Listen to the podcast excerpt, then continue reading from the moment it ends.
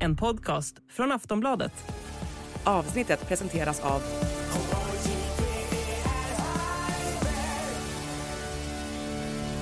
Stödlinjen.se, åldersgräns 18 år. Hej och välkomna till Åsiktskorridoren, en podd hos Aftonbladet Ledare. Idag pratar vi om det är kris i regeringen, om Sverige som enda EU-land missat att införa pristak på el och om Centerpartiets eftervalsanalys. En podcast från Aftonbladet Ledare.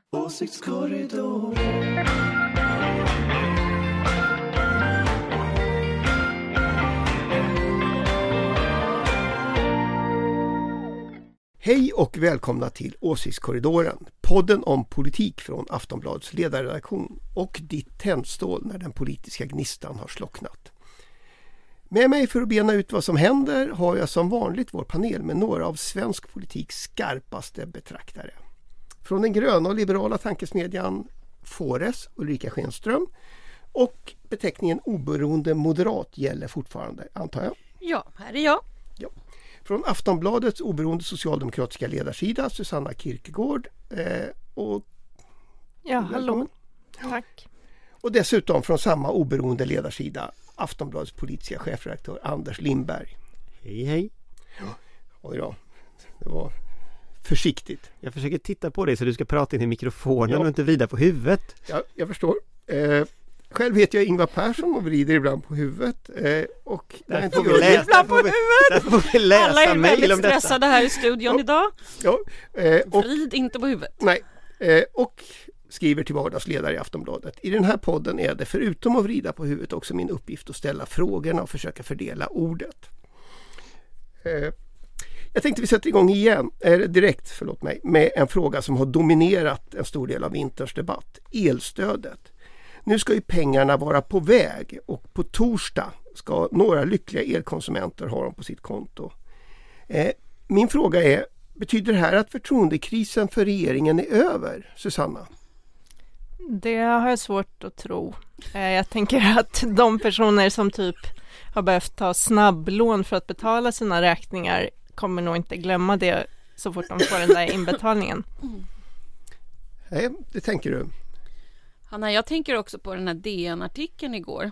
ehm, där det verkar faktiskt som det är fullkomligt totalt kaos på det här superdepartementet. Man kanske inte ska börja med en omorganisation när man ska ja, ha lovat en massa... Ja, den är intressant. Håller ni inte med? När man ska lära sig regera, tänker du. Mm. Vi ska väl säga att, att den här artikeln som Ulrika hänvisar till, den handlar ju om eh, ett, eh, vad ska jag säga, en beskattning av övervinster på elbolagen som de har gjort när priserna har rasat upp och som då skulle gå tillbaka till konsumenterna. Det där har alla andra EU-länder men inte Sverige lyckats införa. Eh, Anders, tänker du att det där är ett problem? Ja, det är ett problem. Men jag tänker att det också är någonting som kommer bli mer problem i framtiden. För att på väldigt många områden så ser det ut som att de reformer regeringen faktiskt hade är väldigt dåligt förberedda. Eh, vi ser reduktionsplikten är ju en annan sån här historia som, som kommer att bli ett sorgebarn. Eh, I den här frågan om, om eh, övervinsterna som inte beskattas så ligger ju också en rad andra frågor kring energipolitiken och relationen till de här bolagen och så. Eh, och, och nu kanske de kan få en lagstiftning på plats till mars. Och då har ju liksom elpriset antagligen gått ner. Så då blir det inte så mycket pengar och de här bolagen kommer att kunna ta pengarna och fira glatt för, för dem. Eh, så, att, så, att, så det är klart att, att det finns en kompetensbrist hos regeringen som är extremt allvarlig i väldigt viktiga frågor där man helt enkelt inte klarar hantverket. Man klarar liksom inte av jobbet och det, det, blir, det här blir som ytterligare ett exempel på det. Jag hade tänkt ge ordet till Ulrika men det, hon vill ha det absolut själv. Ja, jag sitter här och flaxar. Nej men eh, det här är ju ett yttersta bevis för att man måste vara förberedd när man kommer in i regeringskansliet. Man kan inte bara gå omkring och lova lite saker i opposition utan man måste alltså bygga och enligt konstens alla sätt och medel eh, faktiskt få ihop de reformer som och, och, och göra dem på riktigt. Därför att när du väl kommer in så ska du implementera de här grejerna och då måste du klara av att kunna göra det. Men du, Så att jag, nu, nu har jag tjatat om det här i så många år. Så att är man inte förberedd så är man alltså inte förberedd. Voilà! Men, men, men där tänker jag så här att jag, jag tänker att det faktiskt finns ett system här. Jag har försökt lansera den här teorin tidigare. Men, men, men jag tänker, när jag tittar på de här rekryteringslistorna nu har de ju inte varit så bra på att rekrytera men där de har rekryterat så är det väldigt uppenbart att tjänstemännen i regeringskansliet kommer från en bakgrund som inte kan politiskt hantverk. Alltså de kan PR, de kan lobbying, de kan intresseorganisationer, de kan tankesmedjor men de kommer inte från det som är så att säga förvaltningens kärna. De är inte förvaltningschefer någonstans eller eh, och det är ganska få inifrån regeringskansliet. Eller har regerat förr.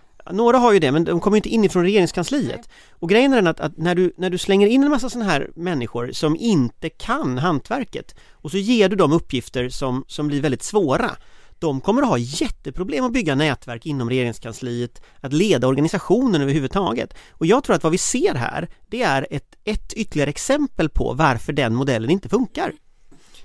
Susanna? Alltså det som vi eh, kanske glömde att förklara nu, det lät lite som att alla andra EU-länder bara hade varit jätteduktiga och infört det på eget bevåg, men det är ju så att det, de var tvungna att införa det och det var vi också för att det är en EU-förordning.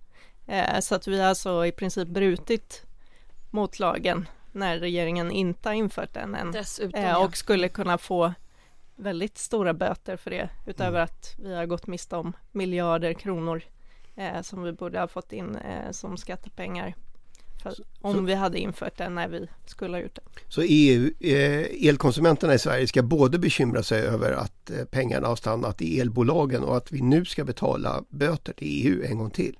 Ja, Kanske. lite så. Man, ja, kanske. Ehm, vi får se. Om någon får feeling så kan man också prova att stämma staten och se vad som händer.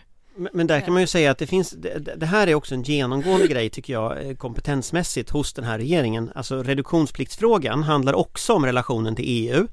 Eh, och, och det är också samma sak där, att man, man i, i Bryssel har regelverk, man har system, de ändras efterhand. Eh, och, och, och så sjabblar man bort det och nu sa ju Preem för ett par veckor sedan att konsekvensen av den politik man har kan mycket väl vara högre dieselpriser. Eh, tittar man på ett annat sådant område som ligger nära här så är det miljölagstiftningen. Klimatlagstiftningen är inte heller frivillig på EU-nivå. Eh, och, och där struntar man ju i, i den eh, och, och det finns ju inte en chans att man kommer att nå målen som man har. Det är också i strid med regler som Sverige är bundna av. Och just det här, jag tror inte att man visste det om jag ska vara ärlig när man gav de här löftena, eller man struntade i det i alla fall. Allt det där kom ju surt efter. Men eh, Ulrika, du antydde ju att, eh, och eftersom du har ju befunnit dig på insidan i regeringskansliet precis som Anders. Eh, hur, hur ovanligt är det med så här frispråkiga tjänstemän som vi såg i Det är DN-artikeln? inte vanligt, så att det måste ju vara fullkomligt kaos på det där superdepartementet för att de brukar faktiskt inte bete sig sådär. Men då kan jag säga att då måste det vara för att det här är inte någon journalist tror jag som har, har grävt utan det här är ju saker som är läckt. Det är, ingen, det är ingen på Dagens Nyheters redaktion som har kommit på det här på egen Nej, hand. jag tror inte det. Alltså, Nej, det, så är ja. det nog. Det säger också någonting om, alltså våran relation till resten av EU blir bara sämre och sämre. Men Sverigebilden, alltså Sverigebilden från början som Ja. vi har pratat så länge om i den här podden. Och så detta då också. Men också om man Och pratar vi med brukar ju inte bara... Eh, no, no. Ja men alltså om du jämför mot vissa andra länder. Okej, Ja. men, men eh, om man pratar om liksom hur vi har pratat om hela elkrisen så har ju EUs prissättningssystem fått ta i princip hela smällen, att man eh, använder det som en förklaring för allt som är dåligt. Eh, och man har pratat om Sverigepriser där man liksom ska använda upp så mycket el man vill här och sen den lilla fnutt som blir över kan man exportera till Europa till höga priser. Eh, alltså, och nu fick vi ett förslag från EU, eller snarare en order från EU, om, ja, bokstavligen en förordning, liksom, om att, som hade löst stora delar av problemen om vi hade implementerat den. Men då gör vi liksom inte det. Alltså att den här hela bilden av att man skiter i EU och att EU är motståndare i den här energikrisen, det är också, det är ju exakt det Putin vill med energikrisen. Alltså så att vi, vi gör bara som Putin vill. Det är så otroligt korkat. Men- jag, jag tänker att jag, jag, jag har liksom gått från att tänka att det här liksom finns onda avsikter till att tänka att de här är så klantiga så de vet faktiskt inte vad de håller på med. Och, och, på område efter område så ser det ut att vara precis på det sättet så att jag har liksom lite ändrat min analys av av den, av den här regeringen. Inte ondskefullt utan det är klantighet. Ja men jag tror faktiskt att de kan helt enkelt inte, de vet helt enkelt inte hur man gör. Och det är klart att sätter de statssekreterare som är jätteduktiga på att jobba på en tankesmedja som ska hantera sådana här saker. Det är faktiskt inget fel på tankesmedjan. Jag säger inte att det är dåligt. Man kunde, anv kunde använda PR-byrå istället. Men, men, men, Tänk på att jag sitter här. Jag vet det. Jag kan men, känna mig kränkt. Ja okej. Okay. men du skulle ju önska ha klarat jobbet. Ja det hade jag. Du, du, du är inte generation Z så du får inte känna dig kränkt. Men, men, men jag tänker ju någonstans att du måste ha folk som har kompetens. Och tittar vi runt de eh, nyckelministrar som finns så är det extremt få personer som faktiskt kan det. Eh, tittar man framåt så om jag skulle göra någonting inifrån regeringskansliet så vore det faktiskt att rekrytera vanliga opolitiska tjänstemän till nyckelbefattningar och låta linjen ta mera, alltså tjänstemannalinjen ta mera ja. eh, av de här besluten. Det skulle därför, jag också göra. Därför att det, det, här, den här politiska ledningen funkar inte och det här departementet, om man tar, tar eh, Ebba Buschs departement, de verkar ju inte bara vara kaos det verkar ju vara liksom revirstrider och alla möjliga saker om man läser de där mellan raderna i den här intervjun. Att folk sitter och jobbar på efter festerna och liksom tidsplaneringen är helt sönderfall och så. Det som händer då på ett departement när arbetsmiljön blir på det här sättet det är att alla duktiga människor rekryteras ju någon annanstans. Så nästa steg i den där liksom artikeln det är ju vart tar de här personerna vägen? De kommer ju hamna i EU eller på företag eller på andra på ställen. Eller på någon annan myndighet, på en expertmyndighet liksom. Mm. Så, att, så, att, man kan inte hantera sin stabsorganisation på det sätt de gör. Mm. mm. Men jag tycker också det är intressant att eh, Alltså mm, absolut, den här regeringen är inkompetent. Men det var inte jättelänge sedan den förra regeringen skickade in våran så här, plan för hur man ska använda pengarna i eh, återhämtningsfonden som EU hade. Eh, och vi skickade in den jättesent och det var i princip bara saker som vi ändå hade tänkt göra och det var liksom inte alls tillräckligt mycket klimatinvesteringar, alltså det var bara helt pinsamt. Och det är ju också, alltså det, det är ju ett mönster liksom att svenska folket får betala för eh, politikernas EU-förakt på något sätt, alltså att man inte ens bryr sig om att göra det ordentligt när det finns jättemycket pengar att hämta som liksom, ja, svenskarna skulle kunna använda till saker. Mm. Ja, inkompetens, EU-förakt. Eh, vill du sammanfatta din eh, oförberedd? Ja, är man inte förberedd så är man alltså inte förberedd. Man kan säga att det är ganska, ganska hårda eh, omdömen. Man, man skulle ju också kunna säga så här populism brukar inte funka när man väl kommer in i regeringskansliet. Så på ett sätt så kan man ju säga att, att alltså, Ulf Kristersson har ju hela tiden haft den här bilden av sig att han har svårt att få saker ur händerna, han pratar väldigt mycket. Det kanske är så här hans regering liksom kommer att se ut. Eh, omger inte han sig med folk som faktiskt kan genomföra politiken, då kommer vi att ha det så här i fyra år. Finding your perfect home was hard, but thanks to Burrow, furnishing it has never been easier.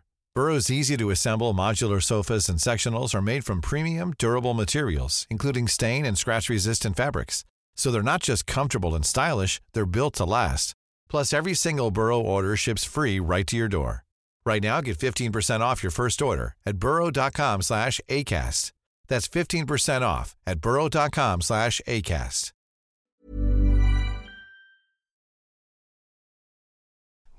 Då kommer vi ju egentligen in på, på nästa ämne ganska naturligt. För eh, jag har tänkt, vi har ju sett två generaldirektörer som nu har fått reda på att de inte kommer att få fortsätta.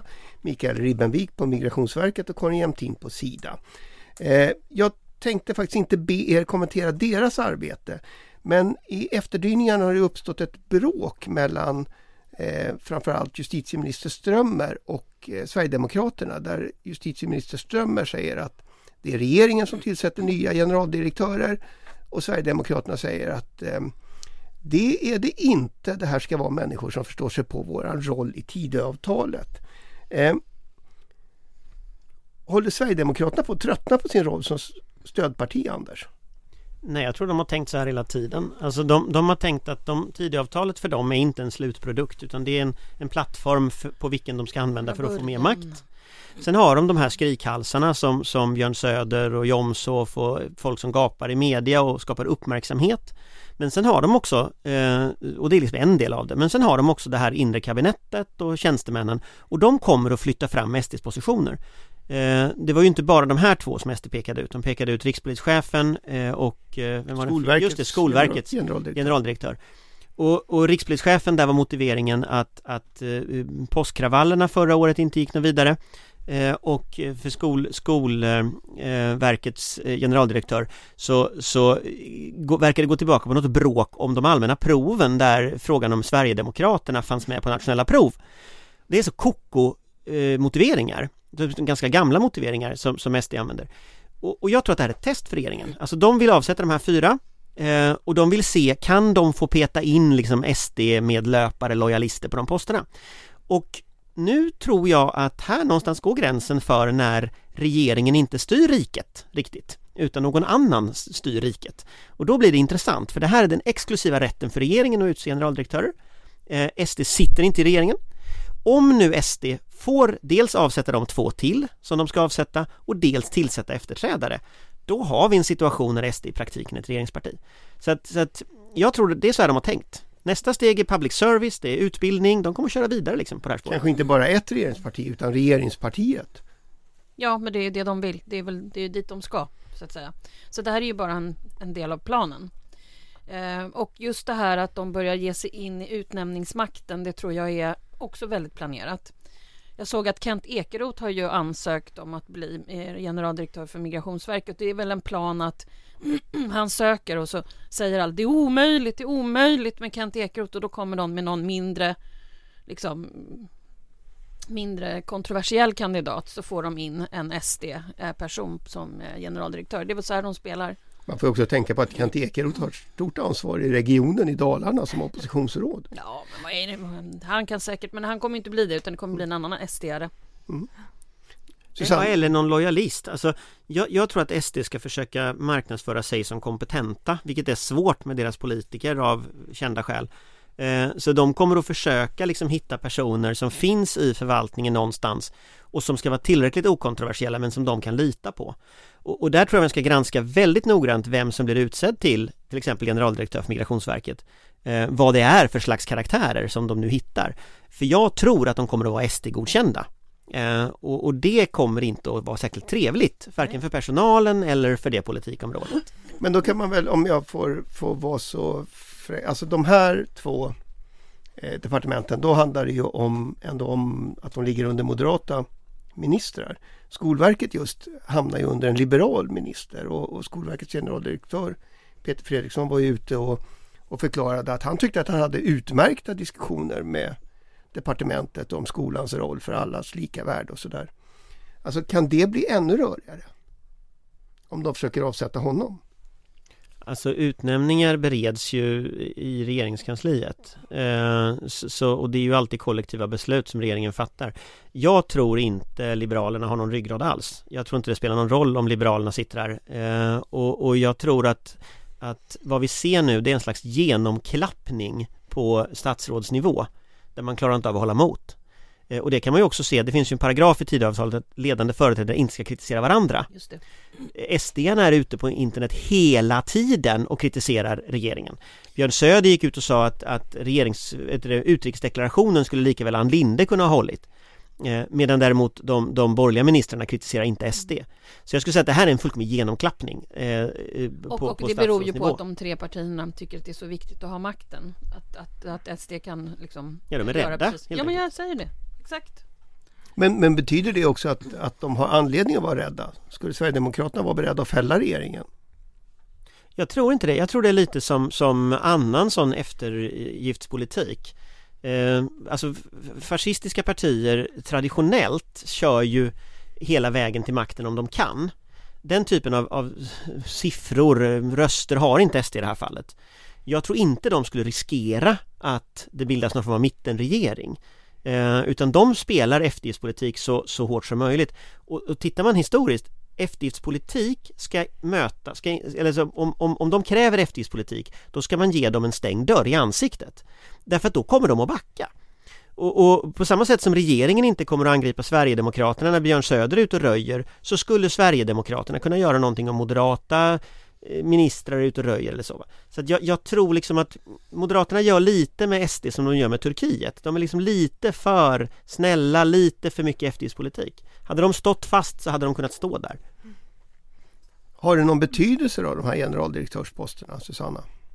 Ja men absolut. Alltså jag tror också att man, det, det vi pratar om nu hänger ju ihop med det vi pratade om i förra ämnet, alltså inkompetens och att man inte klarar av att sköta sina ministerjobb ordentligt. Eh, Kompetens och, och rädsla. Ja, exakt. Ja, och det kommer vi se mer av verkar vara panelens uppfattning. Alltså, min gissning är ju att eh, om de inte liksom rekryterar människor som kan hantverket så kommer det här bara fortsätta. Och du skulle kunna kicka ett gäng av de där statssekreterarna som ju är liksom politiska utnämningar av rätt låg nivå liksom och rekrytera eh, folk som faktiskt kan. Eh, om vi kollar på till exempel hur, hur, Peter Hultqvist när han rekryterade statssekreterare till försvarsdepartementet Det är ju sådant gammalt traditionellt ställe där det alltid jättebråk Försvarsdepartementet, Försvarsmakten, Utrikesdepartementet och så va. Han rekryterade Jan Salestrand eh, när han tillträdde som kom direkt från högkvarteret, var operativ chef tror jag på högkvarteret. Eh, och sen Jan Lind som var, som var eh, chefen på FOI. Alltså extremt tunga personer som statssekreterare. Så skulle den borgerliga eh, regeringen också kunna göra. Alltså rekrytera riktigt kunniga förvaltningsmänniskor. Eh, istället för den här politruk, politrukiseringen eller PR-iseringen som vi ser. Då hade de plötsligt kunnat få effekt. Liksom. Finansdepartementets budgetavdelning brukar väl vara en eh, känd Ja, eller gamla general, generaldirektörer till exempel. Alltså det, det finns gott om, om folk där ute som kan hantverket. De är inte så politiska, de kommer inte vara partilojala alla gånger, men de kan. Och det är det som är problemet när, när du säger värderar lojalitet, eh, partierfarenhet eller liksom den typen av saker högre än kompetens. Det är då du hamnar i den här situationen. För då får heller inte den där politiskt sakkunniga eller statssekreteraren, får ju ingen auktoritet mot linjen. För den kan ju inget. Med linjen menar du Med linjen, tjänstemännen? tjänstemännen på regeringskansliet alltså. Paul Jonsson har i och för sig utsett en, en tjänsteman Ja, ja, nej, men Paul Jonsson gör ju som Peter Hultqvist gjorde. Ja, absolut. Det, det är liksom en kompetent vi, hantering av en kompetent bara, minister. Det finns i alla fall ett statsråd ja, som har gjort men det är så, Det är så fascinerande. För han är försvara Paul Jonsson ja, här. Men du, du, du, du gör rätt i det. Jag tar tillbaka det när det gäller honom. Därför att, därför att där ser vi det mera traditionella sättet att styra. Även skulle jag säga utrikesdepartementet styrs på det mera traditionella sättet ja. att styra. Två ministrar klarar sig undan. Nej, han inte är ju faktiskt budgetstatssekreteraren, han är ju faktiskt också från budgetavdelningen en gång i tiden. En gång i tiden, mm, men han ändå, sedan. Ja, men han har ändå varit där. Mm. Eh, hörni, vi får, eh, vi får nöja oss med detta och så får vi återkomma misstänker jag. Eh, kan, gå igenom, kan vi inte ha ett avsnitt där vi bara går igenom genom... tjänstemännen i regeringskansliet? Ja, det, det blir... kan lägga en matris från vilka PR-byråer de kommer ja, ifrån. Så här, och så jag känner liksom att nördfaktorn i den här podden genast har, har nått helt nya höjder. Jag skulle faktiskt tycka det var jätteroligt. Det tror jag. Eh, poängsystem. Ja, poängsystem. Vi får, vi får arbeta vidare med det. Eh, jag tänkte faktiskt att vi skulle prata lite om Centerpartiet också. De kom ju med sin eftervalsanalys igår. Eh, och om jag förstod budskapet rätt så berodde det dåliga valresultatet på att man pratade för mycket eller pratade för lite om priset på el och diesel eh, och för mycket om liberalism i största allmänhet och att väljarna inte visste var Centerpartiet stod i regeringsfrågan. Har de rätt i det Ulrika? Ja. Det var det som jag gjorde... tyckte att det här var en av de få eftervalsanalyser jag har läst. För vi har ju klagat på mm. ganska många mm. eftervalsanalyser. De är ju faktiskt ärliga i den här eftervalsanalysen. De var dessutom helt ensamma. Och kunde inte riktigt förklara linjen. Nej. Alltså, kort sagt, man visste inte vart de var på väg. Liksom. Alltså jag tror att Centerpartiet var helt på det klara med vad de var, men hade svårt att förmedla den här breda mitten. Jag skulle säga koalitionsregering, det är ju samma sak. Just det, men då måste man ha någon Stor i... koalition som håller båda ja. liksom, extremerna borta. Men då måste man ju liksom ha någon att vara i koalition med. Ja, men det var ju det de sökte. Ja. S, M. Jag förstår, men inte så framgångsrikt. Nej, det kan man ju inte säga, men jag, jag, jag, det är inte det. Jag tycker dock att de skriver, för en gång skulle det någon som har en valanalys som faktiskt är lite, ja, på In, riktigt. Innehåll i. Mm. Susanna, håller du med? Ja, den var ju ganska dyster, eh, vilket väl var bra eftersom att resultatet var lite dystert. Men jag tyckte att det var fint att de skrev att valresultatet är en besvikelse Men vi ser samtidigt att det hade kunnat gå ännu sämre. Ja, eller hur? Hur, alltså det enda sättet att, att bli framgångsrik det är att inse sina egna fel och brister och inte peka på att det är någon annan som har de här bristerna utan att det är en själv. Nej, men det, Det var lite så där vi annan, gjorde 02. lite annan ton än sossarnas valanalys kanske. Där det var mer tjo vi vann valet. Anders, är Centern på väg nu? Har de, har de basen för att bygga upp det här? Alltså Centern är ju i fritt fall eh, just nu neråt i alla mätningar och opinionen och förtroendemätning för partiledarna och så vidare. Eh, om den här valanalysen kan reda upp det, det vet jag inte. Men, men, men jag tror ju att det finns en styrka och en svaghet med valanalysen. Eh, styrkan är att den sker när Annie Lööf har gått. Så det är en analys för nästa partiledare i ganska hög utsträckning. Så det blir en slags att göra-lista för nästa partiledare. Eh, det skiljer ju Socialdemokraternas analys till exempel väldigt mycket därför att det är ju en, en analys som bekräftar att partiledarna har gjort allting rätt och därför ska fortsätta. Här har man en annan situation och det märks tycker jag i resultatet. Men sen slår det mig en sak när jag tittar på Centern och det är att Centern har en väldigt stark organisation och de tänker organisatoriskt väldigt mycket. Det är deras fokus. Alltså de börjar i strukturer, system och det är väldigt stora strukturer och system. Jag tror att Centern bommade, och det låter kanske konstigt, men jag tror de bommade internet. Eh, de bommade kraften i rörlig bild, de bommade interaktiviteten med människor. De tror fortfarande att en valrörelse bedrivs på ett torg någonstans i, i Murträsk, eller vad det heter, Burträsk, eh, på, på en, en eh, valstuga eller på Centerkvinnors fik eller något sånt där. Och, och i allt högre utsträckning så bedrivs politiken någon helt annanstans än där Centerpartisterna finns. Och det gör att även om de försöker framstå som ett modernt parti så framstår det som omodernt eh, gen, genom att man bommar helt enkelt liksom de här stora trenderna som är. Och de som känner Murre som man inte får säga eh, och liksom hans hangarounds i Stockholm speciellt de lyfter ju fram att han är en modern ledare. Att han är en sån som kan tänka nytt, att han kan förstå de här nya spelplanerna. Det finns inte ett spår av det i analysen. Så att där, där tänker jag liksom att okej, det kanske finns, men, men men det är liksom modernitet är deras problem Eh, och det märks. Å andra sidan var det väl precis i sina traditionella kärnfästen som de förlorade allra mest. Ja, men de förlorade faktiskt överallt i stort sett. Eh, och framförallt så förlorade de det politiska initiativet därför att de inte fanns på de här ställena. Och, och lite är det, om, om jag får dra en idiotisk parallell, men när man pratar med folk i sossarna så finns det en typ av sosse som säger problemet för oss är att vi har tappat den vita arbetarklassen.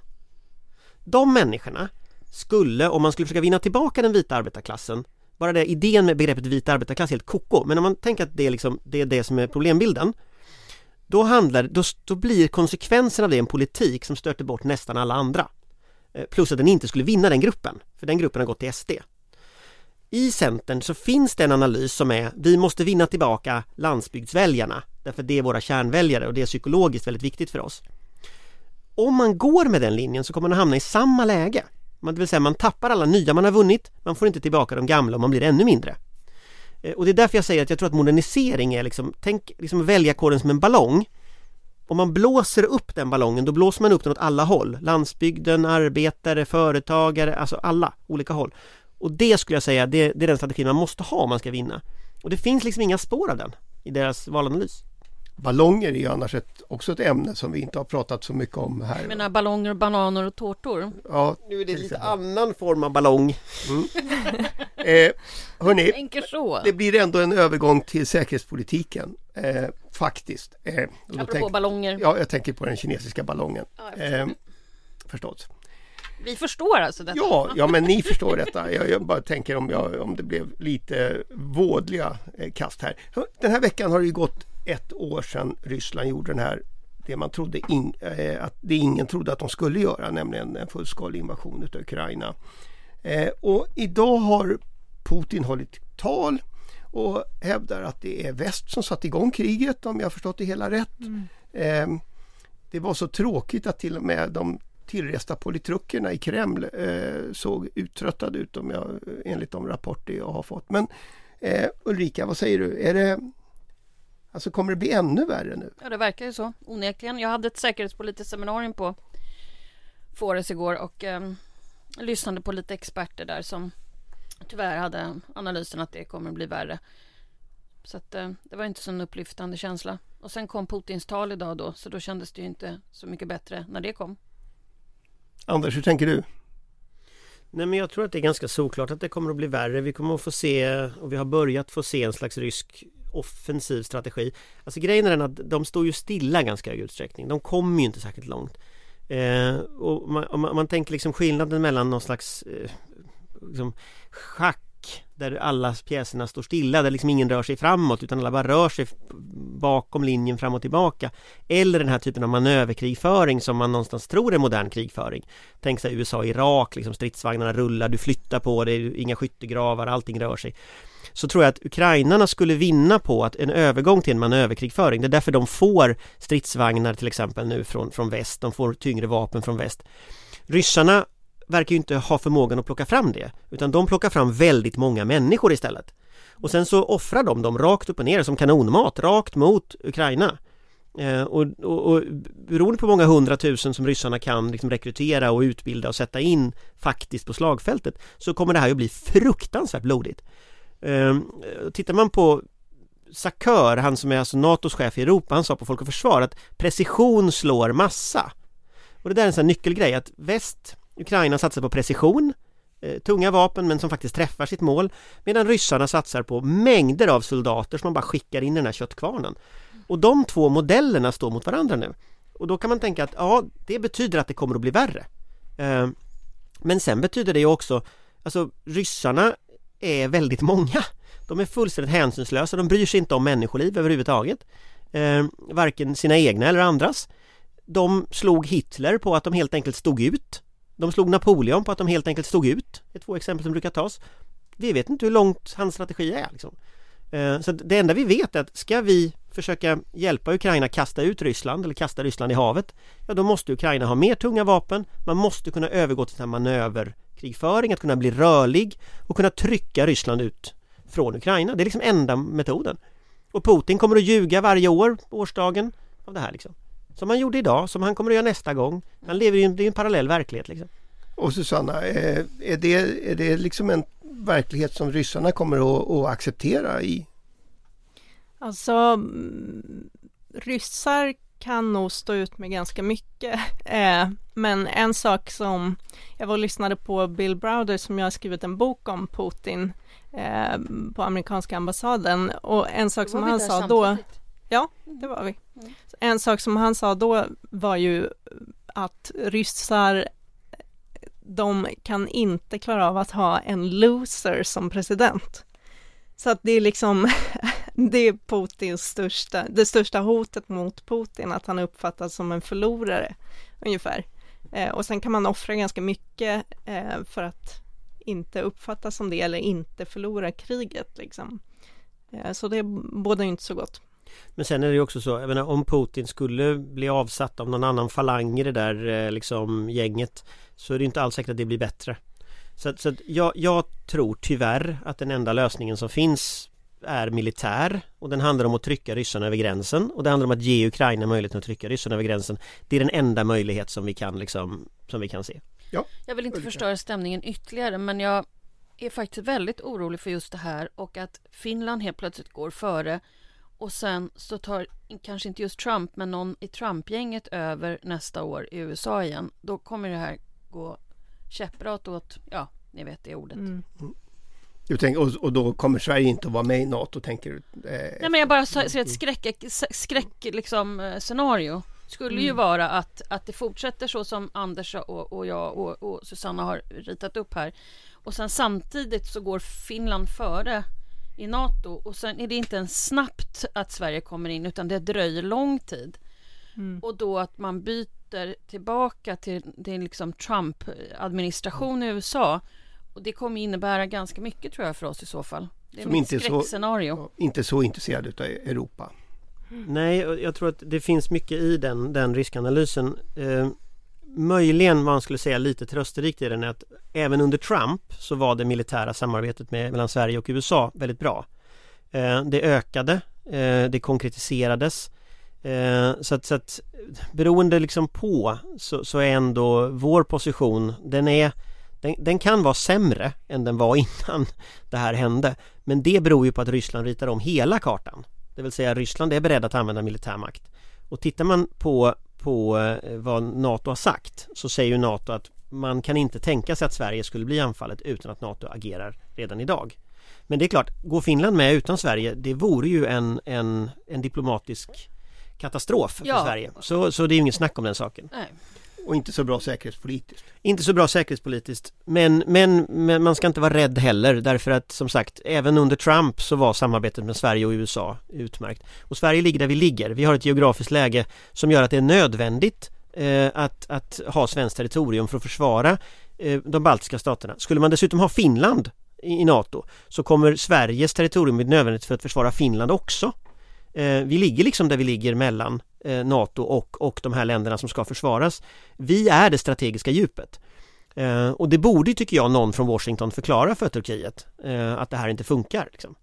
Men jag menar, det är, ja, det är otroligt diplomatisk katastrof om Finland går med innan oss. Det så är det.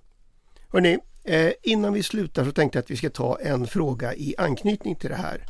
På torsdag sätter ju eh, skid-VM igång. Eh, vilket jag utgår från att hela panelen ser fram emot mycket.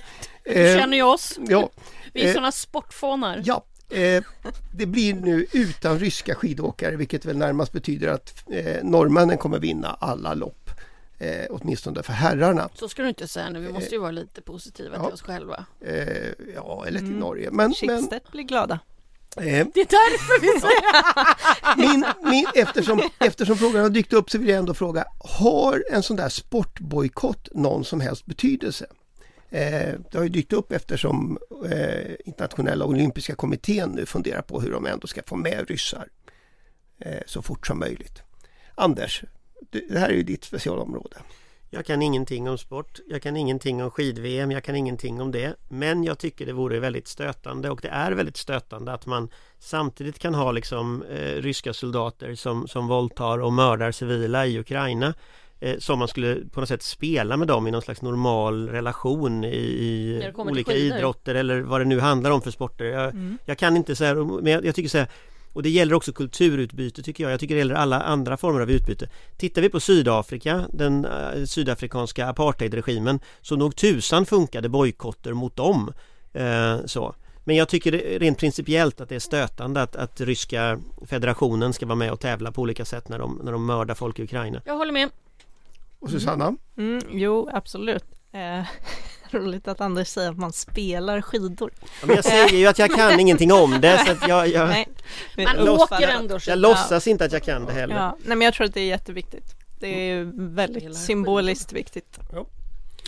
Hörrni, vi hinner inte med mer idag. Vi får ladda för skid-VM. Eh, det verkar ju finnas ett, ett stort engagemang i detta. Mm. Eh, Enormt. det finns också en massa andra saker vi inte har hunnit Bara för prata att du om, är från säga. Dalarna och ni håller på med massa skidor där uppe har jag hört. Absolut. Eh, det finns anekdoter i det ärendet också som vi inte ska berätta men eh, eh, jag kan försäkra er att Det det kommer, Ingvar har finnas, gjort i skidbacken. eh, kommer att finnas Spåret. massor med ämnen också nästa veckas podd. Eh, det som återstår nu det är att tacka panelen. Tack Ulrika, tack Susanna och tack Anders. Och som vanligt ett stort tack till dig som lyssnar. Det är för dig vi gör podden. Tack så mycket, hej då! Hej hej! Hej då! Hej, hej. En podcast från Aftonbladet Ledare.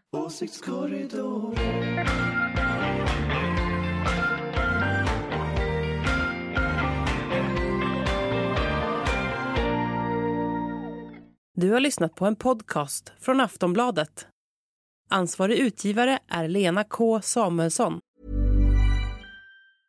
Hey, I'm Ryan Reynolds. Recently, I asked Mint Mobile's legal team if big wireless companies are allowed to raise prices due to inflation. They said yes. And then when I asked if raising prices technically violates those onerous two year contracts, they said, What the f are you talking about, you insane Hollywood ass? So to recap, we're cutting the price of Mint Unlimited from $30 a month to just $15 a month. Give it a try at mintmobile.com slash switch. $45 upfront for three months plus taxes and fees. Promo rate for new customers for limited time. Unlimited more than 40 gigabytes per month. Slows. Full terms at mintmobile.com.